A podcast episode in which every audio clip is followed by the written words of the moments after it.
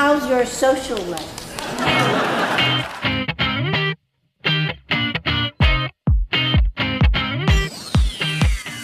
Ek gesels met Greg Cavellas hier by die Fugard Theater. Hulle is besig om te repeteer aan 'n nuwe stuk. Greg, vertel vir ons van die nuwe stuk. Um, Significant Other is about uh, a young uh, gay man, Jordan Berman, who lives in New York.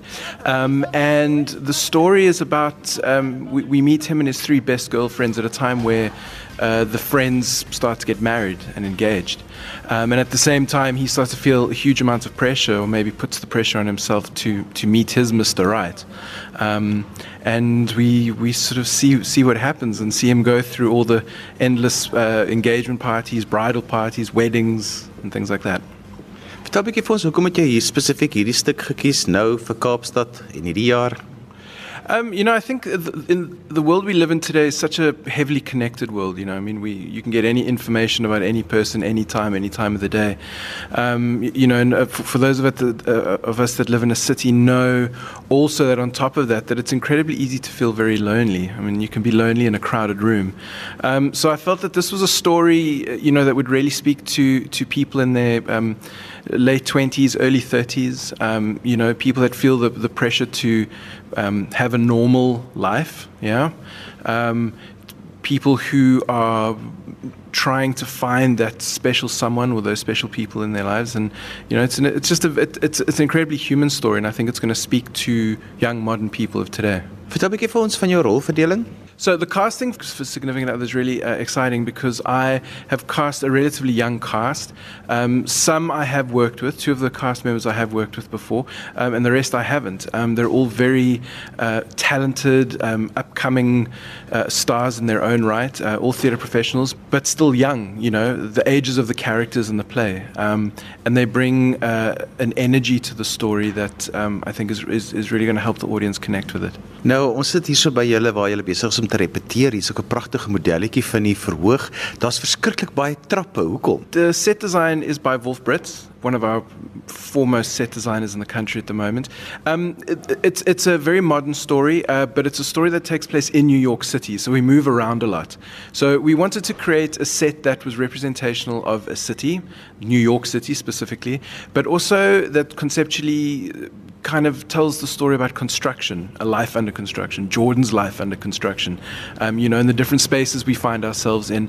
Um, and also the, the script is written in a way that we, um, the, the one note the right gives us is that um, scenes should bleed one into the other because love bleeds. Um, so we really focused on that. So the set is a steel structure with lots of staircases. Nou, jy's nou al 'n rukkie die inwonende regisseur hierso by die Fugard. Die novelty is nou nie meer daar nie.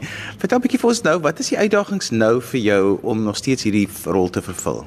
I, I'm incredibly privileged and incredibly lucky to have the role that I have. Um, it's it's it's pretty unique in, in, in the South African theatre landscape, if you can call it that, to to be allowed to to be a resident director in a theatre and be allowed to take on different kinds of work and try different things. Um, as you say, the novelty and the excitement has worn off maybe in one way, but but the next step for me is that I'm really getting to now tackle much bigger scripts, bigger stories. Um, I'm being allowed to explore more. Uh, I read maybe four or five scripts a week sometimes, uh, which is really exciting. New work, South African work, international work. Um, so you know, for me, it's it's I've got a couple of more years to go, um, and I'm just really looking forward to to expanding and, and to bringing really beautiful stories to Cape Town audiences.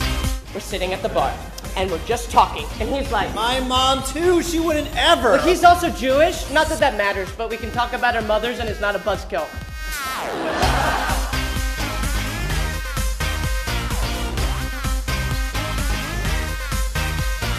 Hey, Keeks, What?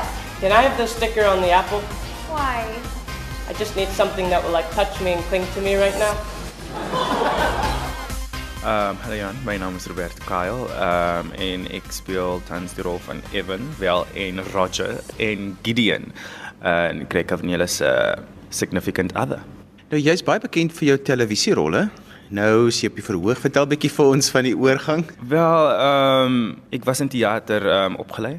Ek het uh, teatertraining gedoen by die Universiteit van Kaapstad, ehm um, ondergraads in acting. Ehm um, so alles het maar daar begin. Ehm um, toe skakel ek oor na televisie, film en toe ehm um, televisie onlangs knapse kerels. Ehm um, en dit was teater het sy eie uitdagings en en film en televisie het hulle eie uitdagings en ek, ek dink ehm um, die oorskakeling was vir my so so moeilik soos wat ek gedink het dit sal wees nie van TV af na teater toe nie omdat teater dink ek persoonlik my my my my gemaksone is. Ehm uh, maar die transition van verhoog na skerm vir my was nogals redelik uitdagend omdat omdat dit twee verskillende style is, um, twee verskillende wêrelde ook. Om van van knapse kerels af te kom in in iets so significant other um was my nogals redelik lekker en maklik omdat ek weet waar dit in my liggaam sit in terme van my my my, my acting skills and tools en teaterwerk wys. Ja. Hoe spreek hierdie teks tot jou persoonlik? Ehm um, wel ek dink dit, dit dit raak vir my ehm um, nogals redelik persoonlik in die sin dat ons almal soek liefde en ons almal wil deel van iets wees. Ehm um, ons almal wil ook ehm um, vriende hê wat omgee. En en dis presies wat in hierdie wêreld gebeur. Daar's daar's vriendskappe wat wat en jy kan die liefde en en die omgee in in hierdie verhoudinge sien tussen die vriende. Ehm um, maar jy kan ook sien hoe mense soek en smag na liefde vir al die hoofkarakter. Ehm um, ek sê nie dat ek tans persoonlik smag en soek na liefde nie. Ehm um, Maar wat ek probeer sê is dat hierdie aanknopingspunte van liefde en vriendskap ehm um, definitief die grootste relevantie het in my, my persoonlike lewe en en tot die teks. Vertel 'n bietjie vir ons van die proses, hoe jy dit ervaar om saam met jou ander akteurs te werk. Wel ja, dit is vir my altyd baie spesiaal om deel te vorm van 'n geselskap wat ehm um, so passievol is oor wat hulle doen. En 'n mens kan sien dat 'n mens kan dit sien op die vloer as mense in die rehearsal space inloop, kan 'n mens dit voel dat almal hier wil wees en, en hierdie storie wil create. Ehm um, maar dit is ook vir my baie spesiaal om met met Greg tans te kan werk. Omdat ehm um, ek voel dis hy is een van die regisseurs wat die beste van eienskappe uit 'n akteur uit wil bring.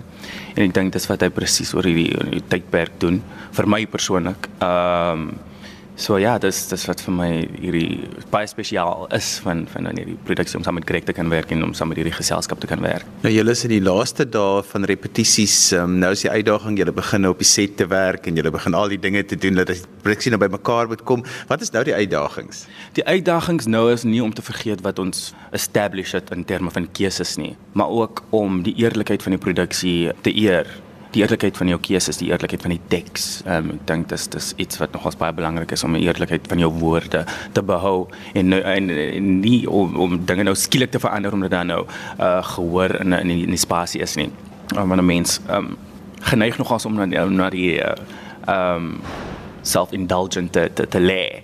Ehm um, en ek dink as 'n mens begin te speel vir 'n gehoor of begin te speel vir iets anders uh, other than the truth dan begin dit nogal self-indulgent raak. Ehm um, maar die challenge nou vir my persoonlik as 'n akteur is om om om eerlik te bly in my woord, maar ook ek dink vir die ges, vir, vir die ensemble vir die, van die stuk um, om om eerlikheid te behou en in die storie te stoot en om seker te maak dat mense kry wat wat die teks wil hê mense moet kry.